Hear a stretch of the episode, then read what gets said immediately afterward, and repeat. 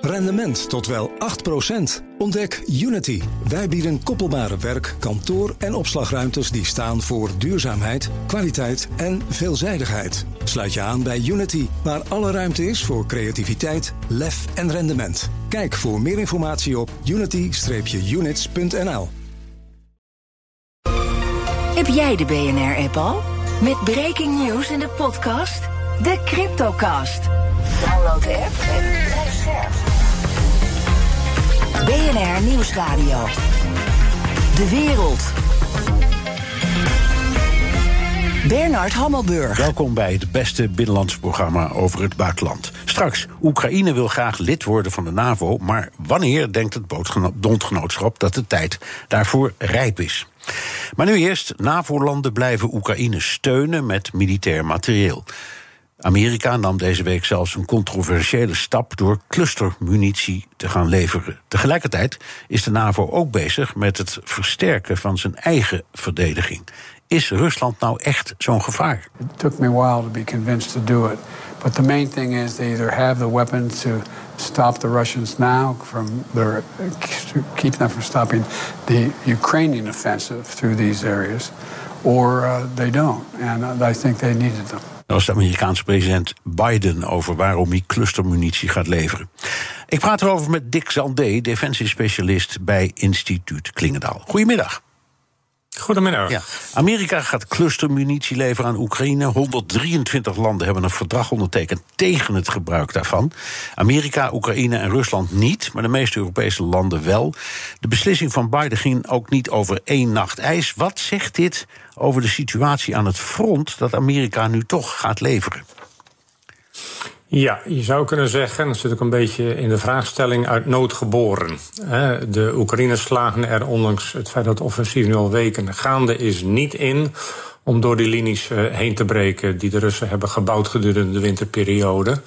Uh, en dat komt mede doordat ze te weinig wapensystemen hebben om daar constant op te vuren. Dus ze hebben eigenlijk tekort aan artillerie. En daardoor ook aan artilleriegranaten. Uh, en wat de clusterbom doet, is natuurlijk met een enkele granaat die je afziet of een raket, die splitst zich dan vervolgens in de lucht uiteen boven het doel en die verspreidt al die kleine munitiedingetjes. Dus dat helpt dan om grotere gebieden onder vuur te nemen, terwijl je toch minder granaten uh, moet, uh, moet afvuren. Nou, dat is een puur militair technisch verhaal. Er zitten natuurlijk allerlei andere aspecten aan vast, maar dat is denk ik eigenlijk ja. de reden waarom de Amerikanen overstag zijn. Ja, ja ik, ik, ik, begrijp het helemaal. ik, ik had een beetje de indruk dat die clusterbom ook een soort noodgreep was, omdat Biden zeer nadrukkelijk, Jake Sullivan, trouwens een veiligheidsadviseur, ook zei: er is simpelweg te weinig munitie. Um, ja, ja, dat klopt. Ja. Zeker, er is te weinig munitie. Um, en de Oekraïners kunnen daardoor al veel minder afschieten dan de Russen doen. Want daar draaien de fabrieken op volle toeren. En de Russen hebben bovendien natuurlijk gestandaardiseerde munitie. Dat is ook een probleem aan de Oekraïnse kant. Want ze hebben allerlei wapensystemen van het Westen gekregen. Maar die zijn niet gestandaardiseerd. Dus ze hebben heel veel verschillende soorten munitie ook uh, nodig. Ja, en dat beperkt natuurlijk ook de uitwisselbaarheid daarvan tussen hun wapensystemen. Ja, ik, ik meen ook, ik las dat zo'n um, clusterbom uh, wel heel erg lijkt op een gewoon artilleriestuk. Ook 155 mm. Dus je, je kan hem bij wijze van spreken in een van die systemen stoppen. Klopt dat of is dat een misverstand? Die, die, die zijn via raketten af te vuren, die zijn via uh, meer traditionele granaten af te vuren in allerlei vormen volgens mij. En dat is denk ik ook niet zozeer het probleem.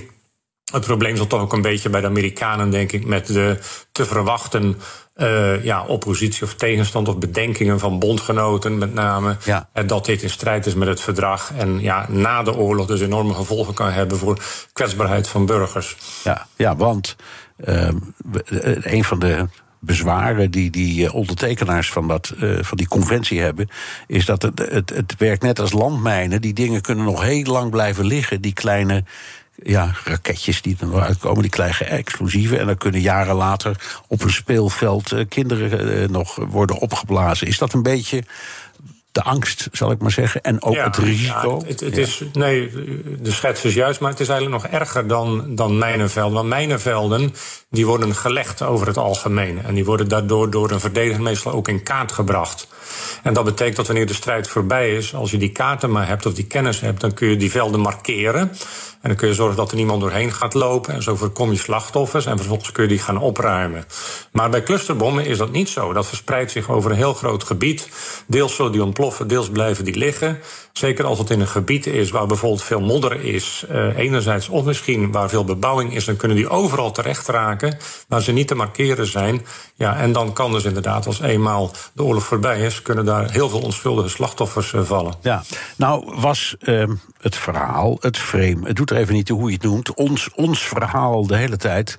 Uh, het kan allemaal even duren, maar Oekraïne gaat gewoon winnen. Is dit niet impliciet een erkenning dat dat helemaal niet zo zeker is? dat dat gebeurt. Ja, maar heeft daarbij nooit gedefinieerd wat winnen betekent. Hè? Ja, nou ja, dat, dus ja, dat is waar. Je kunt zeggen niet. Zoals Zelensky voortdurend zegt, of is het dat Rusland op de knieën ligt, maar dat er toch een onderhandelingsresultaat uh, uitkomt. Waarbij er toch ook enige concessies aan Rusland worden gedaan. Dus winnen kan, kan allerlei vormen aannemen. Maar dit tekent wel, denk ik, uh, als je kijkt naar het uh, slagveld, dat Oekraïne grote moeite heeft om er doorheen te komen. En in die zin is misschien de verwachting toch wel te hoog gespannen geweest. En blijkt nu uh, dat die Russische verdediging toch ook veel sterker is dan men misschien wel vermoedde destijds. Ja. En ook het vertrek van de Wagner-groep heeft daar kennelijk geen verandering uh, in gebracht. Nee, nee. Het is mede ook het gevolg van het feit dat Rusland natuurlijk toch de lange periode van de winter en het vroege voorjaar heeft kunnen gebruiken om die verdedigingslinies uh, aan te leggen. Ja. Hadden ze die tijd niet gehad, ja, dan was het nu iets makkelijker geweest om er doorheen te komen. Ja, maar de, de, ik zeg, de, de, de, analy de, de analyses struikelden over elkaar heen de afgelopen tijd. Dat Rusland toch, dat je duidelijk kunt zien dat Rusland zwak is en oude wapens heeft en niet goed georganiseerd is. En ga ze maar door. En ik dan denk dan, ja, dat was dan toch misschien een beetje wensdenken. Er zijn duidelijk voorbeelden van dat dat ook zo was. om te beginnen natuurlijk de grote mislukkingen in het noorden en het oosten van uh, Oekraïne destijds. Vorig jaar heb ik het dan over, in het voorjaar. Vervolgens dat ze toch in de zomer een belangrijk stuk grondgebied verloren hebben ten oosten van Kharkov. En nu toch ook her en der uh, verliezen moeten incasseren langs de frontlijn. Maar die zijn niet zodanig dat er sprake is van een grote strategische doorbraak. Kijk, de Russen hebben natuurlijk de tijd ook gebruikt om zich te hergroeperen, te versterken. Ze hebben niet voor niets die dam opgeblazen, daarmee hebben ze een aantal elite-eenheden die daar lag aan de oostoever van de Dnieper de Dnipro in het Oekraïens, die hebben ze kunnen verplaatsen naar uh, het gebied meer in het centrale gedeelte van het front. Omdat daar meer ervaren strijdkrachten nodig waren. Dus ja, zo hebben ze allerlei maatregelen genomen in de tussentijd. Om het voor het Oekraïnse offensief, dat natuurlijk heel lang aangekondigd ook was. Hè, dus konden ze het verwachten. Om daar beter voor uh, klaar te zijn. Ja, even over, over um, ik zou maar zeggen, de, technische kant van het oorlog voeren. Maar ook de principiële kant van hoe ver ga je als bondgenoot. De, de Britten hebben een tijdje geleden besloten om uh, lange afstandsraketten te gaan leveren.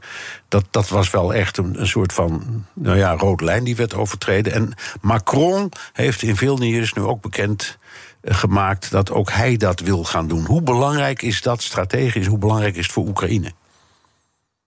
Dat, dat is in die zin belangrijk dat je met die, uh, de Fransen noemen dat geloof ik de Scapal en de Britten noemen de Storm Shadow, dat je met die raketten die vanaf een vliegtuig worden gelanceerd, maar ver van de frontlijn, dus die vliegtuigen komen niet in de luchtverdedigingszone van de Russen, en kun je dan enige honderden kilometers verder kun je doelen raken achter de Russische frontlinie. Dus dat is vooral van belang om logistieke opslagplaatsen, denk aan munitiedepots, command, eh, commandocentrales, verzamelplaatsen die daar zijn, voordat ze naar het front gaan, om die daarmee uh, te treffen. Maar eventueel ook bruggen die de verbindenis vormen naar de Krim, zou je daarmee kunnen treffen.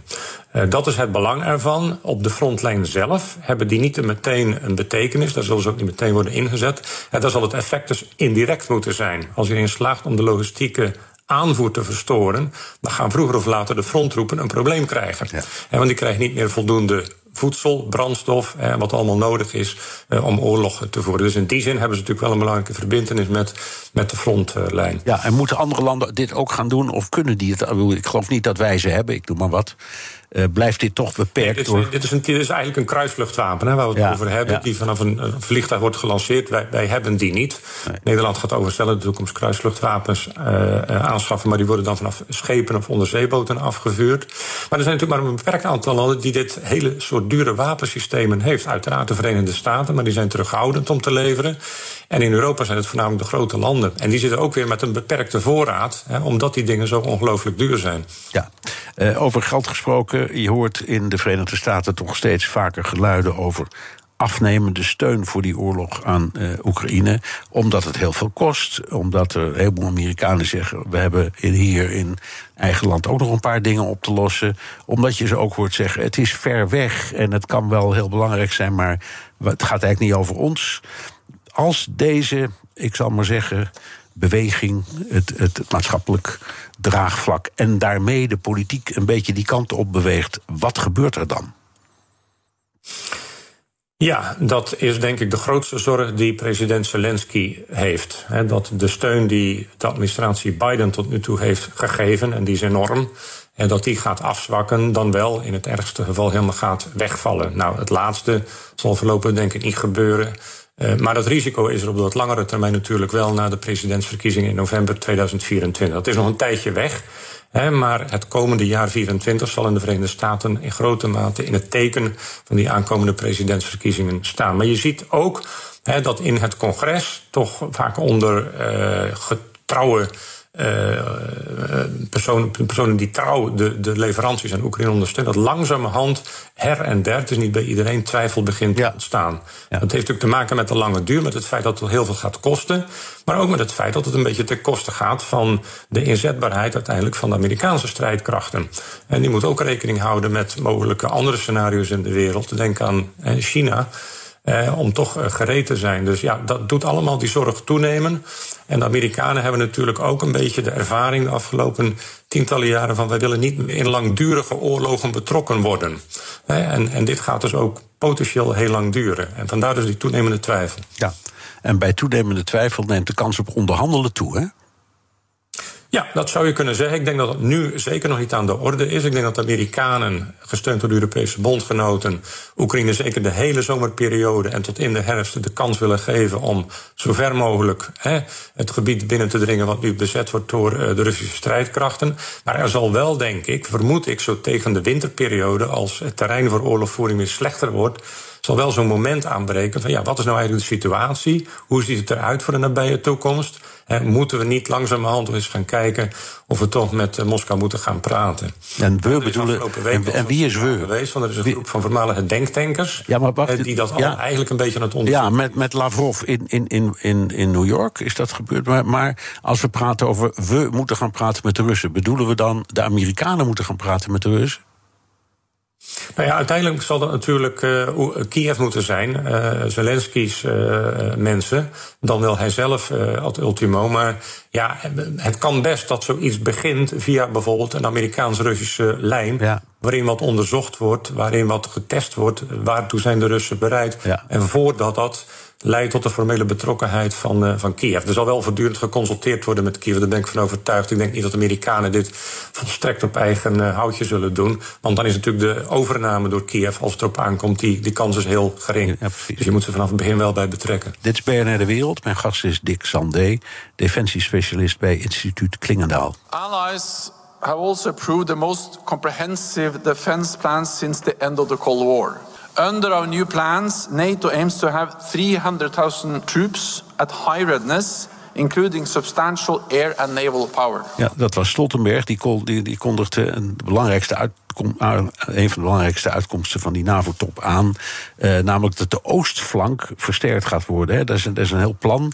Eh, om, dat zijn nu geloof ik uit mijn hoofd 12.232 man verspreid over acht landen in Oost-Europa. Dat zou omhoog gaan naar eh 5000 per land. Dus dat worden dan 40.000. En uiteindelijk naar 300.000. Uiteraard eh, niet allemaal tegelijk, hè, dat wordt, dat, maar, maar, maar toch. Het, het roept verschillende vragen op. Waarom is het nodig als wij de veronderstelling hebben dat, eh, dat Oekraïne misschien Rusland wel kan verslaan, of in elk geval monddood kan maken? Waarom moet je dan die enorme extra inspanning doen in Oost-Europa?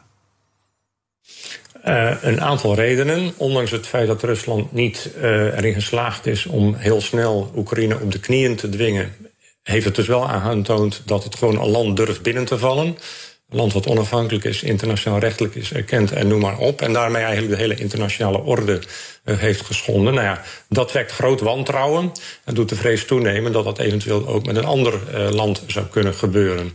Ja. Tweede reden is de Baltische Staten in het bijzonder, als we het hebben over Oost-Europa, die zijn uh, militair gezien heel kwetsbaar. Uh, die hebben heel weinig strategische diepte, want heel snel sta je met je voeten in de Oostzee. Uh, dus je kunt niet als een vijand je binnenvalt, je ver terugtrekken en een tegenaanval inzetten, want dan ben je eigenlijk bij al verslagen. En dat is de reden dat vooral de Baltische landen, en veel meer dan de Polen en de landen meer naar Zuidoost-Europa, dat die vooral aandringen om die voorwaartse presentie, die nu inderdaad vrij beperkt is, eh, dat die inderdaad eh, verruimd gaat worden tot eh, formaties van de hoogte, grootte van een brigade. En inderdaad, dan heb je zo over 4000 man ongeveer. Ja, ja. En... dus het is ook niet zo dat het in al die landen waar NAVO-strijdkrachten nu zijn zal gaan gebeuren. Er staat ook in de tekst van Vilnius heel nadrukkelijk, hè, when required. Ja. En when required is met name hè, of die landen zelf dat heel graag willen. Ja, en daarom wordt het ook een snelle reactie-eenheid genoemd. Hè. We, we, we zorgen dat we die mensen paraat hebben maar ze hoeven daar niet lijfelijk aanwezig te zijn elk moment. Nee, dat hoeft niet. Nee, wat, maar, maar even, dus wat, wat, ja, wat, betekent het nou bijvoorbeeld voor de Nederlandse krijgsmacht? Hoe, hoeveel man moeten wij gereed hebben, paraat hebben om te kunnen deelnemen aan zo'n actie als er op dat knopje wordt gedrukt?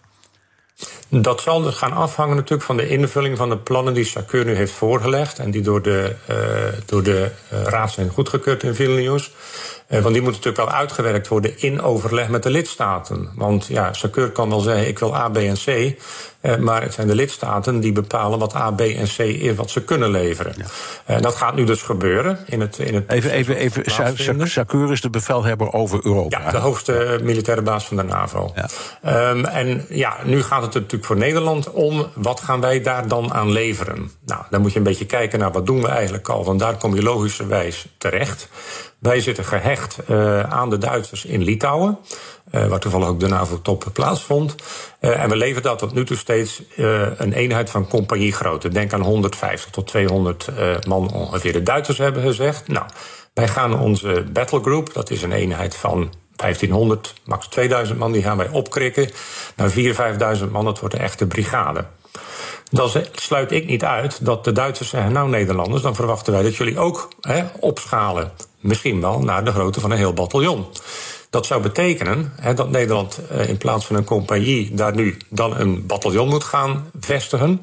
In ieder geval het materieel. Uh, personeel is dan optioneel, hè, dat je af en toe invliegt, ze ja. oefenen en ze gaan weer terug. Maar dat betekent nogal wat. Dat betekent dat al het materieel voor dat bataljon moet opgeslagen worden in Litouwen. Want anders heeft het geen zin.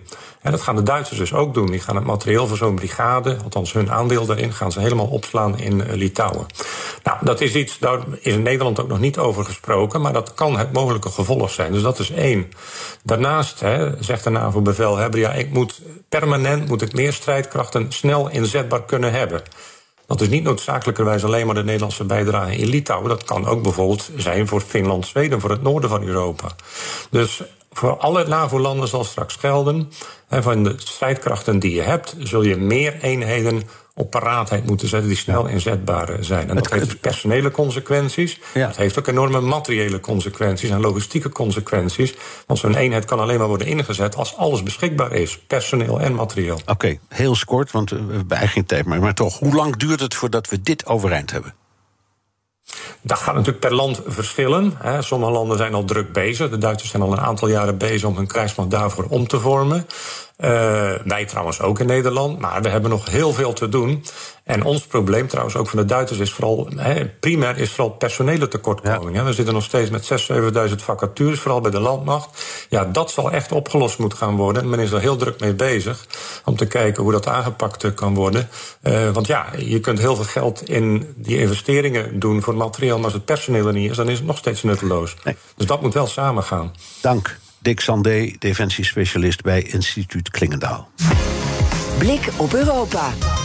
En dat doen we met Europa-verslaggever Geert-Jan aan in Vilnius. Geert-Jan, je bent de afgelopen dagen bij die NAVO-top geweest. Hoe kijk jij erop terug? Nou, als ik de termen moet gebruiken die de wereldleiders gebruiken, dan zou ik moeten zeggen tevreden en geslaagd. Maar er zitten toch wel een paar uh, haakjes en oogjes aan deze uh, NAVO-top. Laten we naar een aantal van die leiders luisteren en dan kijken hoe we zijn gekomen tot het resultaat dat er nu ligt. Allereerst uh, de Belgische premier Alexander De Croo. Soms moet je hem zeggen: uh, rustig, niet te snel. je zal waarschijnlijk wel bekomen wat je wil, maar, maar, maar trek onszelf niet mee in die oorlog. Hè. Dat is de zeer delicate evenwichtsoefening die wij moeten doen. Volledige steun aan een land dat in oorlog is met Rusland. Maar wij moeten er alles aan doen om zelf niet in die oorlog betrokken te worden als NAVO-landen. Ja, waarom laat je nou uh, juist de Belgische premier de Croo horen? Hij heeft het over Zelensky en hij zat ermee aan, uh, aan tafel tijdens een diner. En uh, de kroog geeft aan, nou ja, je moet Zelensky uh, een beetje afremmen. En dat hebben we meer gehoord deze top. Zelensky wil heel veel hebben. ben Wallace had het zelfs over, het is geen Amazon waar je iets bestelt en het dan een dag later hebt. Je moet af en toe op je beurt wachten. Heel veel kritiek op die uitspraak ook geweest. En het is interessant, want aan het begin van de top hebben de NAVO-landen dus echt maandenlang met elkaar moeten overleggen. Waar willen we heen en waar zijn onze rode lijnen? Eén ding nog daaraan toevoegen. Zelensky had het over een roadmap. Hè. We willen een tijdspad richting de NAVO. Dat is niet alleen uit zijn koken gekomen, maar ook uit die van gastheer Litouwen. En aanvullend Polen, Estland, Letland. Je kunt dus zeggen, er is een aantal landen binnen de NAVO dat net zoveel recht op die kritiek heeft om die te mogen incasseren als Zelensky. Want die hebben samen dit plan bedacht. De rest van de NAVO is er alleen niet mee akkoord gegaan. Nee. Als we het over de NAVO-top hebben, moeten we het ook even over secretaris-generaal Stoltenberg hebben. Die laten we even aan het woord. Today we meet as equals. I look forward to the day we meet as allies. And again, a very warm welcome to you, please.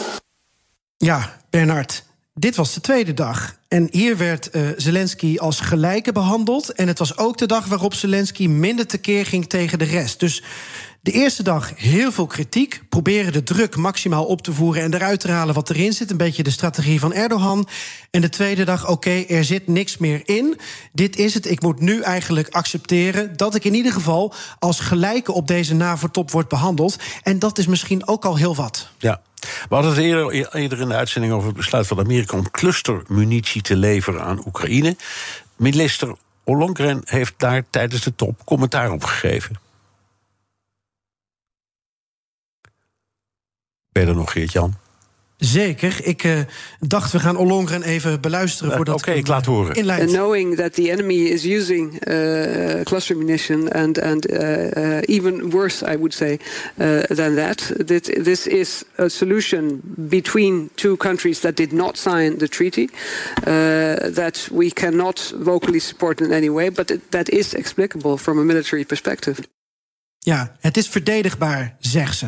Um, ik heb de indruk dat wij het op BNR vaker hebben over de kwestie clusterbom dan ik bij de NAVO-top heb gehoord. Misschien is de discussie ook wel vermeden, omdat uh, zwijgen in deze situatie voor sommigen wat makkelijker was.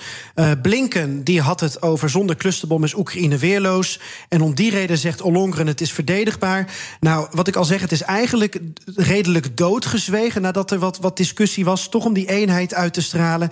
En het is eigenlijk nu in een of andere doofpot gestopt en het gaat gewoon naar Oekraïne. Ja, maar het blijft een beetje gek als je weet dat Nederland die conventie heeft ondertekend tegen clusterbommen.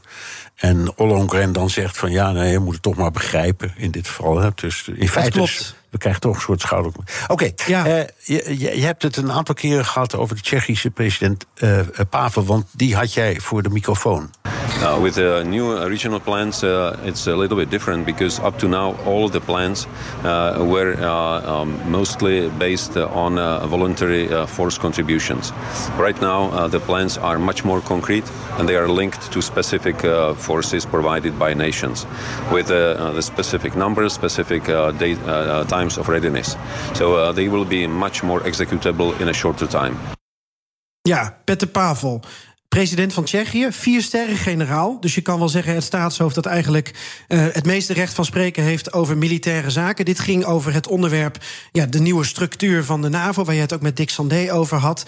En interessant aan Pavel is dat hij dus aangeeft, inderdaad, we hebben ook meer mensen nodig voor, voor de komende jaren. En laat ik dan zeggen dat we uh, de NAVO-top in Vilnius nu achter de rug hebben. De NAVO-top in Washington en daarna in Nederland. Dan zal het op een of andere manier met de NAVO-landen toch ook moeten gaan over hoe komen we dan aan al die mensen die we voor onze plannen willen hebben. Nogmaals, de NAVO gaat er niet over. Maar de NAVO, dat zijn de NAVO-leden. Dus landen als zich zullen het toch moeten gaan hebben over bijvoorbeeld de dienstplicht. In sommige landen speelt de kwestie. En ik denk een kwestie van tijd in Nederland ook. Ja, nou, je weet in Nederland, Nederland voeren hem niet uit, maar hij is nooit afgeschaft. Dus wie weet. Dankjewel, Europa-verslaggever Geert-Jan Haan. Jij blijft er voor het gesprek met Pieter Feit nog even hangen. Rendement tot wel 8%. Ontdek Unity. Wij bieden koppelbare werk, kantoor en opslagruimtes die staan voor duurzaamheid, kwaliteit en veelzijdigheid. Sluit je aan bij Unity, waar alle ruimte is voor creativiteit, lef en rendement. Kijk voor meer informatie op unity-units.nl. Business Booster. Hey ondernemer, KPN heeft nu Business Boosters. Deals die jouw bedrijf echt vooruit helpen. Zoals nu, zakelijk tv en internet, inclusief narrowcasting... de eerste 9 maanden voor maar 30 euro per maand. Beleef het EK samen met je klanten in de hoogste kwaliteit. Kijk op kpn.com slash businessbooster. Business Booster. BNR Nieuwsradio. De wereld. Bernard Hammelburg. Na een hoop gesteggel met Turkije kan Zweden lid worden van de NAVO als het Turkse parlement het goedkeurt. Ook Oekraïne wil maar wat graag lid worden, maar daar wilden de lidstaten toch nog niet aan. In een poging om iets te forceren reisde president Zelensky deze week af naar de NAVO-top in Vilnius. Will speak today and fight for this, its security guarantees for Ukraine on the way to NATO. Ja, dat was Zelensky bij zijn aankomst op de NAVO-top. Ik praat erover met oud-ambassadeur bij onder meer de NAVO en de EU, Pieter Feit. Goedemiddag, Pieter. Goedemiddag, Bernard. En uh, uh, Geert-Jan Haan, uh, onze Europa-verslaggever, is ook nog steeds in Vilnius en luistert mee en zal ongetwijfeld af en toe uh, eventjes invallen met spitsvondige vragen en opmerkingen. Uh, even over dat Oekraïense lidmaatschap. Dat is voorlopig van de baan. Maar de G7 geven wel langdurige veiligheidsgaranties. Uh, Zelensky had duidelijk de pest in. Maar hij draaide een beetje bij toen de Britse minister van Defensie uh, Wallace hem tot de orde riep, die heeft hem een beetje een standje gegeven met de tekst van je, je kan je wel een beetje dankbaarder tonen, want we laten je echt niet vallen. Hoe komt dat nou bij jou als oud diplomaat over? Nou, ik vond het wel uh, opmerkelijk dat Ben Wallace op een gegeven moment sprak van we zijn geen Amazon hier. Uh, met andere woorden, je, het is niet uh, zomaar uh, dat je alles kan bestellen wat je wil hebben. Wij hebben, wij westelijke landen die Oekraïne steunen, hebben ons enorm ingespannen. we hebben ook te maken in eigen land met twijfels en beperkingen op onze be begrotingen. Dus ik vond dat niet helemaal onterecht. Het was natuurlijk ook misschien niet helemaal diplomatiek. Ik dacht ook even aan Ben Wallace als kandidaat om secretaris-generaal van de NAVO te worden. Ja, maar dat wordt hij niet, want hij spreekt geen Frans, hoorde ik. Nee, niet nee. alleen dat, maar misschien heeft hij hiermee ook uh, een, uh, bewezen dat het beter is dat hij geen secretaris-generaal van de NAVO wordt. Nee. Maar uh, ter zake, ik geloof dat Zelensky wel is bijgedraaid en op het einde veel meer dankbaarheid en vriendelijkheid heeft getoond dan aan het begin. Het begin was een beetje geïrriteerd, te hoge verwachtingen. Ja, nou, nou, nou um, kunnen we zeggen, dit hele verhaal terugbrengen naar 2008 op de NAVO-top toen in Boekarest. Toen een toezegging is gedaan uh, aan Oekraïne, onder, vooral door de druk van de toenmalige president Bush van Amerika, uh, dat Oekraïne lid zou worden van de NAVO. Is dat destijds een fout geweest? Want er waren toen ook landen die eigenlijk die twijfelden, maar die hebben zich allemaal een beetje laten manipuleren, zal ik maar zeggen, door Bush. Nou ja, ik geloof dat wij uh, in de tijd in 2008 nog in de veronderstelling verkeerden dat, uh, dat wij als Westen met Poetin, uh, Rusland, zaken konden doen. En dat we daar een constructieve, misschien wel competitieve, maar toch een positieve verstandhouding zouden kunnen blijven houden. Met name op het gebied van ontwapening, wapenbeheersing. Er was toen ook nog sprake van de belangrijke economische banden die we met Rusland hadden op het gebied van energie. Dus dat noopte tot voorzichtigheid. En uh, in die tijd was het ook duidelijk dat Oekraïne qua hervormingen nog erg ver stond van de, de noodzakelijke eisen die gesteld worden aan toetreding tot de NAVO. Ja. Dus ik geloof niet dat het in de tijd een vergissing was. Nu is dat allemaal toch iets meer iets positiever verwoord. Uh, Oekraïne kan nu op voet van gelijkheid met de bondgenoten consulteren op ieder moment dat het dat wil. En uh, er is dus een duidelijk perspectief van toetreding op twee voorwaarden. Ten eerste moet de oorlog worden, zijn beëindigd. En ten tweede moet er opnieuw uh, gedacht worden aan hervormingen. Dus die eis van hervormingen die ligt nog steeds op tafel. Ja. Maar het is wel, geloof ik, duidelijk voor een ieder dat Oekraïne enorme stappen uh, vooruit heeft gemaakt op het gebied van toezicht op de strijdkrachten, democratisering. En dat er ook een serieus programma uh, in, uh, in, de, in de stelling is gezet voor de bestrijding van corruptie. Ja. Geert-Jan, je hebt daar die dagen met je neus pal bovenop gezeten. Heb jij nou de indruk dat Zelensky inderdaad is geschrokken van de uitval van Wallace? Of dat hij bij nader inzien ook wel inziet dat, uh, dat hij toch behoorlijk deftig is behandeld door uh, de NAVO en, en de G7. Ik ben er nog steeds niet over uit, Bernard, of Zelensky nou uh, doet alsof hij tevreden is, of hij tevreden is, of dat wij vinden dat hij tevreden mag zijn. En zijn um, toespraak van vannacht in een uh, Oekraïense nachttrein op weg naar huis, die heeft mij eigenlijk nog steeds uh, ja, gesterkt in die twijfel. Waarom? Hij heeft in die toespraak vannacht heeft hij in de eerste zinnen heeft hij oprecht zijn dankbaarheid getoond aan de NAVO-landen voor die veiligheidsafspraken die zijn gemaakt, met name vanuit die G7-landen. Hij heeft zijn dankbaarheid getoond voor nieuwe wapens.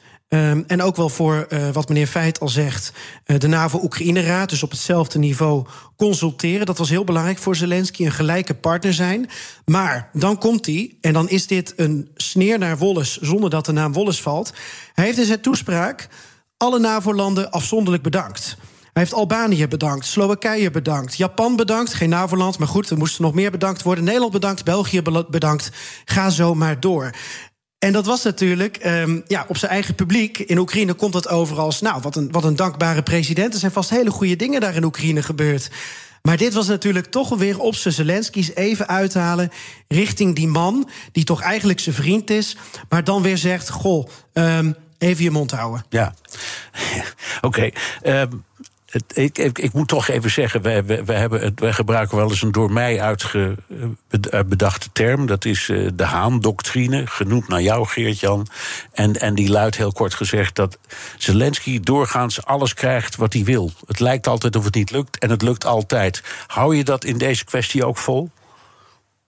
Nou, in dit geval leg ik dus ook, zoals ik eerder bij jou in de uitzending zei, een beetje de schuld bij de Litouwers. Die als gastheer Zelensky uh, op een bepaald pad hebben gestuurd. Het, het pad van de roadmap. De Litouwers uh, de Polen, de, de Letten, die wilden heel graag dat de Oekraïne natuurlijk een tijdspad zouden krijgen voor de NAVO. En ze dachten dat ze dat met Oekraïne konden forceren.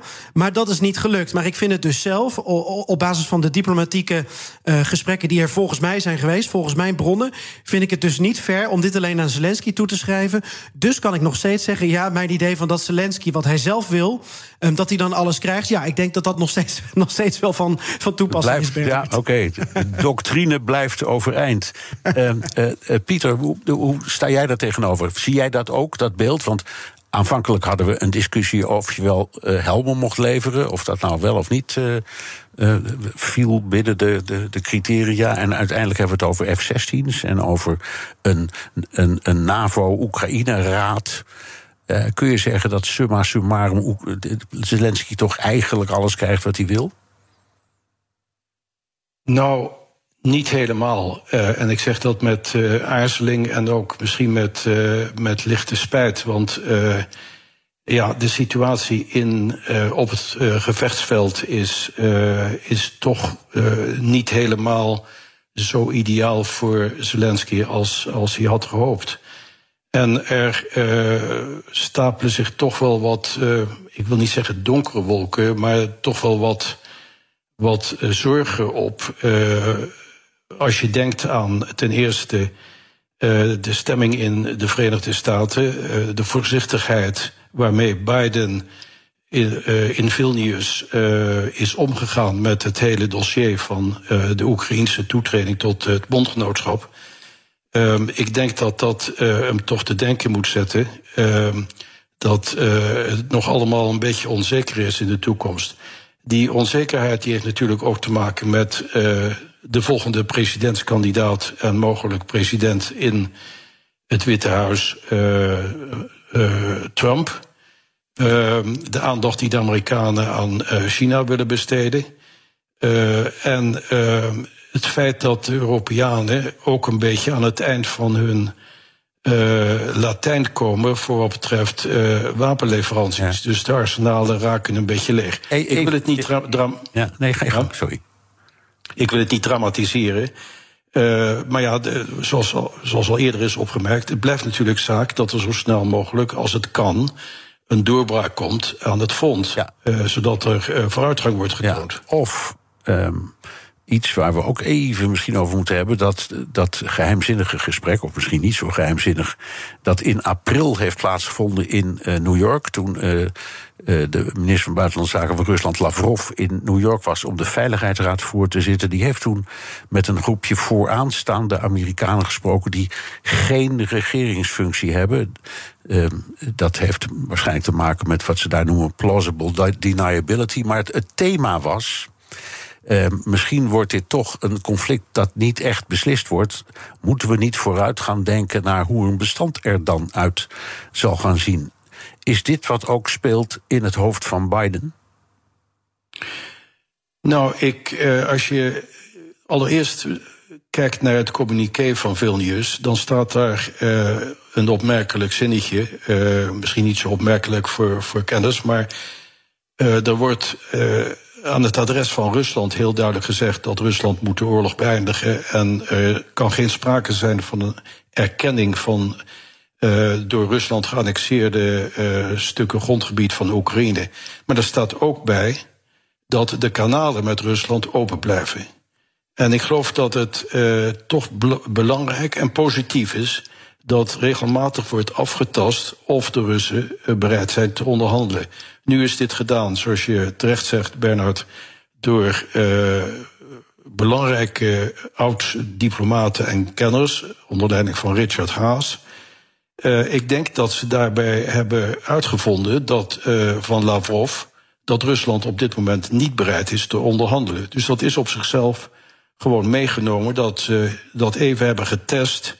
En dat het nu weer bevestigd is dat uh, Poetin op dit moment uh, niet tot onderhandelen bereid is. Ik geloof niet dat dit verkeerd is. Ik, ik, ik denk dat er uh, niet alleen langs dit kanaal, maar ook langs andere weg, via andere mogendheden misschien, steeds wordt gecheckt of, of Rusland nog steeds op ramkoers ligt of dat ze bereid zijn om in te binden. Ja. Dit is Bernard de Wereld. Mijn gast is oud-diplomaat Peter Veit. Pieter Veit. Uh, we look forward to welcoming Sweden as a full member of the alliance based on the agreement I reached uh, last night uh, with President Erdogan and uh, Prime Minister Kristersson. Ja, Stoltenberg, na lang gesteggel met Turkije kan Zweden nou toch lid worden van de NAVO. Nou ja, dat, dat, dat, dat weten we nog niet helemaal, helemaal zeker, maar we gaan ervan uit. Um, hij verwelkomt uh, Zweden al. Um, uh, Pieter, jij woont in Zweden en je ziet om je heen uh, hoe dat ligt, hoe dat voelt voor een land dat altijd neutraal wilde blijven. Hoe valt het? Uh, het valt als een enorme opluchting. men voelt zich veiliger. Men beseft zich ook uh, misschien dat er een mentaliteitsverandering moet plaatsvinden in, in dit land. Dat men misschien voor de toekomst wat minder ethisch, wat minder met een opgeheven vingertje en wat meer praktisch zakelijk moet zaken doen met, met de buitenwereld. niet te veel opinies altijd. Ehm, maar ik denk ook dat er nog steeds onzekerheid bestaat. Dus uh, Van, vanwege die kwestie van dat het parlement nog moet ratificeren. Nou ja, ja, De belofte was in Vilnius zo snel mogelijk, as soon as possible. Nu zegt Erdogan dat is pas in oktober. Dus er kan nu nog van alles gebeuren. Er kan er weer een Koranverbranding plaatsvinden, kunnen demonstraties voor de Koerden worden gehouden. Dus je weet het nooit of het nog uh, licht kan ontsporen. Maar nee, aan de andere kant, één ding zeg ik, wel één ding zeggen. Dat de, het is een, een, een, procedure die gaat door het parlement, ratificatie. Als dat niet zo zou zijn, dus als het meteen was beslist, dan hadden we eh, Erdogan er weer van beschuldigd dat een dictator is die beslissingen neemt buiten zijn parlement om. Dus er zit misschien toch ook wel iets positiefs in.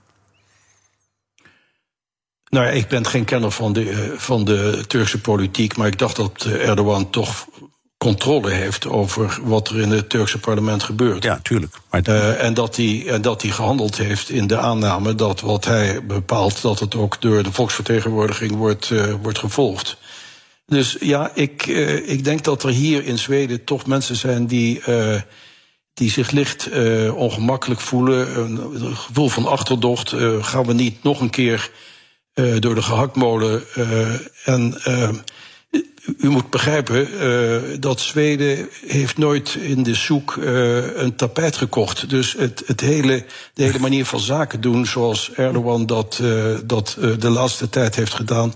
Dat is den Zweed eigenlijk een beetje vreemd. Dus het is, het, ja. het is, het is lastig. Ja. ja Bernhard? Ja. Ik sprak een uh, Bulgaarse journalist hier in Veel Nieuws. Die liet mij een, een, een stukje lezen van wat hij aan het schrijven was.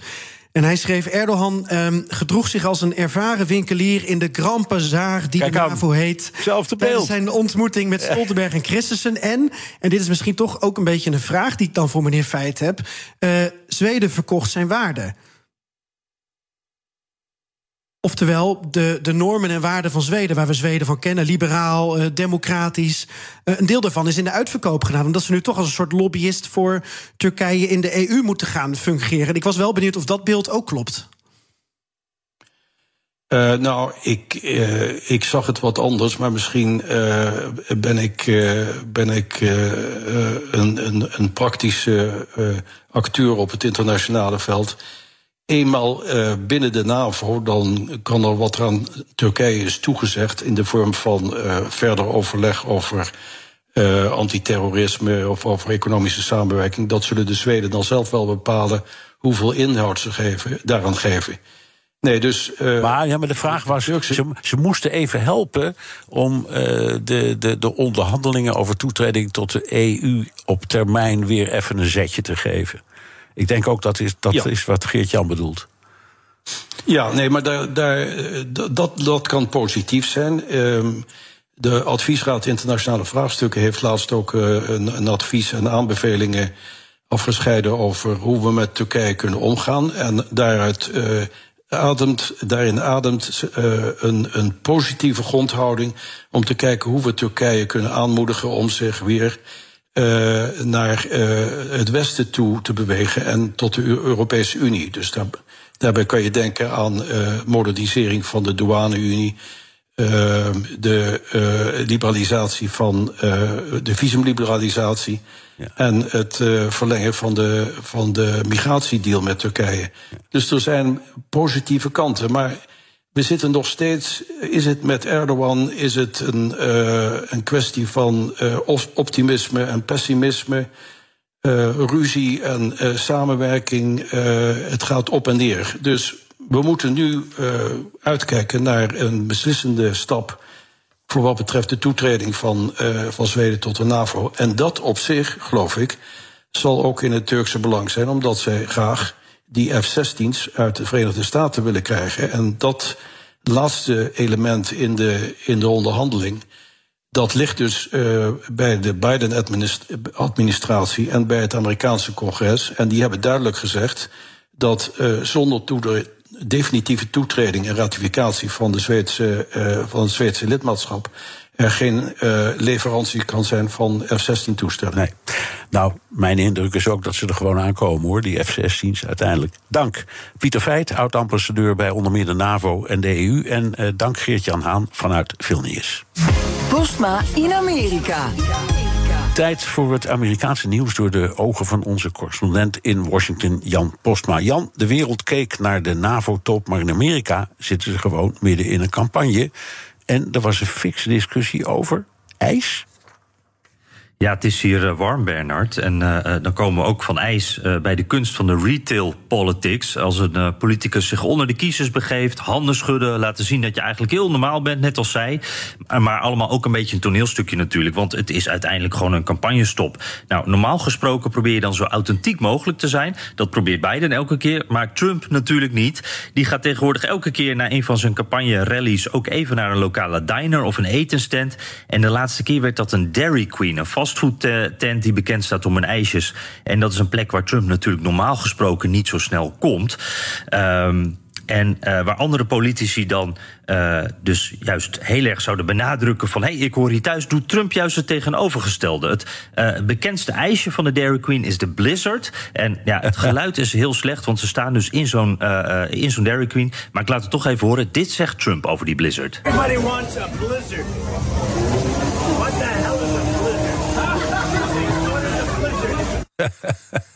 Ja, what the hell, What the is, hell a is a blizzard? blizzard? Dan hoor je de mensen ook lachen. Ja. Ja, en uh, uh, nou ja, met andere woorden dus, ik kom echt nooit in zo'n tent. Wat doen jullie hier allemaal? Waar zijn jullie mee bezig? En normaal, normaal gesproken is dat een beetje een doodzonde. Want uh, ja, je wilt toch juist laten zien dat je thuis hoort op zo'n plek bij de normale mensen. En dat vinden Biden-supporters ook. Die dachten, ha, we hebben je. Want Biden is een enorme ijsfanaat. En die stond eerder bij een Dairy Queen. En die wist wel wat een blizzard is. En excuus weer voor de slechte kwaliteit van de audio. Oreo Blizzard. Oreo Blizzard, who had one? Ja, hier hoor je hem zeggen van, hé, hey, een Oreo Blizzard, wie had er eentje? Dus hij weet wel uh, uh, wie uh, of wat een Blizzard is. En hij houdt dan ook het ijsje even op de kop. En de kenners weten dan meteen, oh, dan weet hij waarover hij praat. Want als je hem op de kop houdt en het ijsje valt eruit... dan krijg je hem daar altijd gratis. dat weten alle Dairy Queen fans. Maar Trump-supporters zeggen dan weer daarover... wat doet die verwarde man daar nou? Die is gek en wat een ongelofelijke aansteller. Dus zo werd er deze week druk geruzied over ijs. En het grappige is, Biden is natuurlijk op op heel veel manieren heel gemaakt. Uh, die heeft zijn eigen politieke verhaal tot in de puntjes uitgedacht. Maar ijs, dat geloof ik wel, dat is echt zijn uh, grote liefde. Ja. En Trump, die heeft er natuurlijk echt helemaal niets mee. En die zegt dat ook gewoon. En die krijgt dus net zo hard applaus als Biden. En iedereen heeft vervolgens ruzie met elkaar. Ik denk een klein metafoortje voor de campagne van dit Ja. jaar. Een republikeinse presidentskandidaat geeft je 20 dollar als je 1 dollar doneert aan zijn campagne. Wat is hier aan de hand? Ja, dit is een heel dure manier van campagne voeren. Doug Burgum, uh, de gouverneur van North Dakota, die mij altijd opvalt omdat er ook een plaatsje Burgum in uh, Noord-Nederland is, die zegt: Ik geef je een cadeaubon van 20 dollar als je mij 1 dollar doneert aan mijn campagne. En zijn campagne zegt: Dat doen we om de mensen te helpen met al die inflatie. En dan, het is een republikein, dus Bidenflation noemen ze dat. Een steuntje in de rug. Maar uh, er zit een hele duidelijke tactiek achter. Want om aan het eerste debat mee te mogen doen bij de Republikeinen, heb je namelijk zo'n 40.000 individuen individuele donateurs nodig. Mensen die je geld geven. En die Burger die heeft zelf wel geld. En die weet ook, ja, als je dat eerste debat niet haalt, dan kun je wel inpakken. Dus hij heeft nu 50.000 cadeaubonnen klaar liggen. En uh, ja, even rekenen, als iedereen 1 dollar geeft, dat is het minimum. Dan kost hem dat dus 950.000 dollar. Maar dan staat hij straks wel op dat debatpodium. En dat is natuurlijk uh, priceless. Ja, maar hij koopt dus stemmen, hè? heel simpel gezegd. En daar is ook wel wat discussie over. Ja, ja. Want uh, mag dit nou? Ja, uh, hij doet het en voorlopig komt hij ermee weg. Ja, en er zijn meer van dit soort trucjes. Ja, uh, Vivek Ramaswamy, uh, ook zo'n kandidaat, die, die belooft donateurs een aandeel van al het geld dat ze voor hem ophalen. Dat is ook zo eentje waar door de FEC naar wordt gekeken van, nou, mag dit nou? Perry Johnson, een kandidaat uit Michigan, die geeft t-shirts van Tucker Carlson gratis weg in ruil voor een donatie. En ik vond het wel heel mooi en ook wel lief. Een congreslid die haar recepten met je deelt als je geld doneert. Dus voor 5 dollar geeft Katie Porter je haar recept voor gehaktballen. En dan wordt zij misschien wel senator. Ja, maar dat is dan, uh, dat is geen omkoping, dat is gewoon iets kopen, kun je nog zeggen. Dus, ja, dat zou je kunnen. Ja, ja, nou, precies. Ja, okay, goed, het, het, blijven fantastische verhalen. Dank, Jan Posma, correspondent in Washington. Wilt u meer horen van dat fascinerende land? Luister dan naar de Amerika-podcast van Jan en mij. Er komt er straks weer één online. En tot zover BNR De Wereld. Terugluisteren kan via de site, de app Spotify of Apple Podcast. Reageren kan via een mailtje naar dewereld.bnr.nl. Tot volgende week. Rendement tot wel 8%. Ontdek Unity. Wij bieden koppelbare werk, kantoor en opslagruimtes die staan voor duurzaamheid, kwaliteit en veelzijdigheid. Sluit je aan bij Unity, waar alle ruimte is voor creativiteit, lef en rendement. Kijk voor meer informatie op unity-units.nl.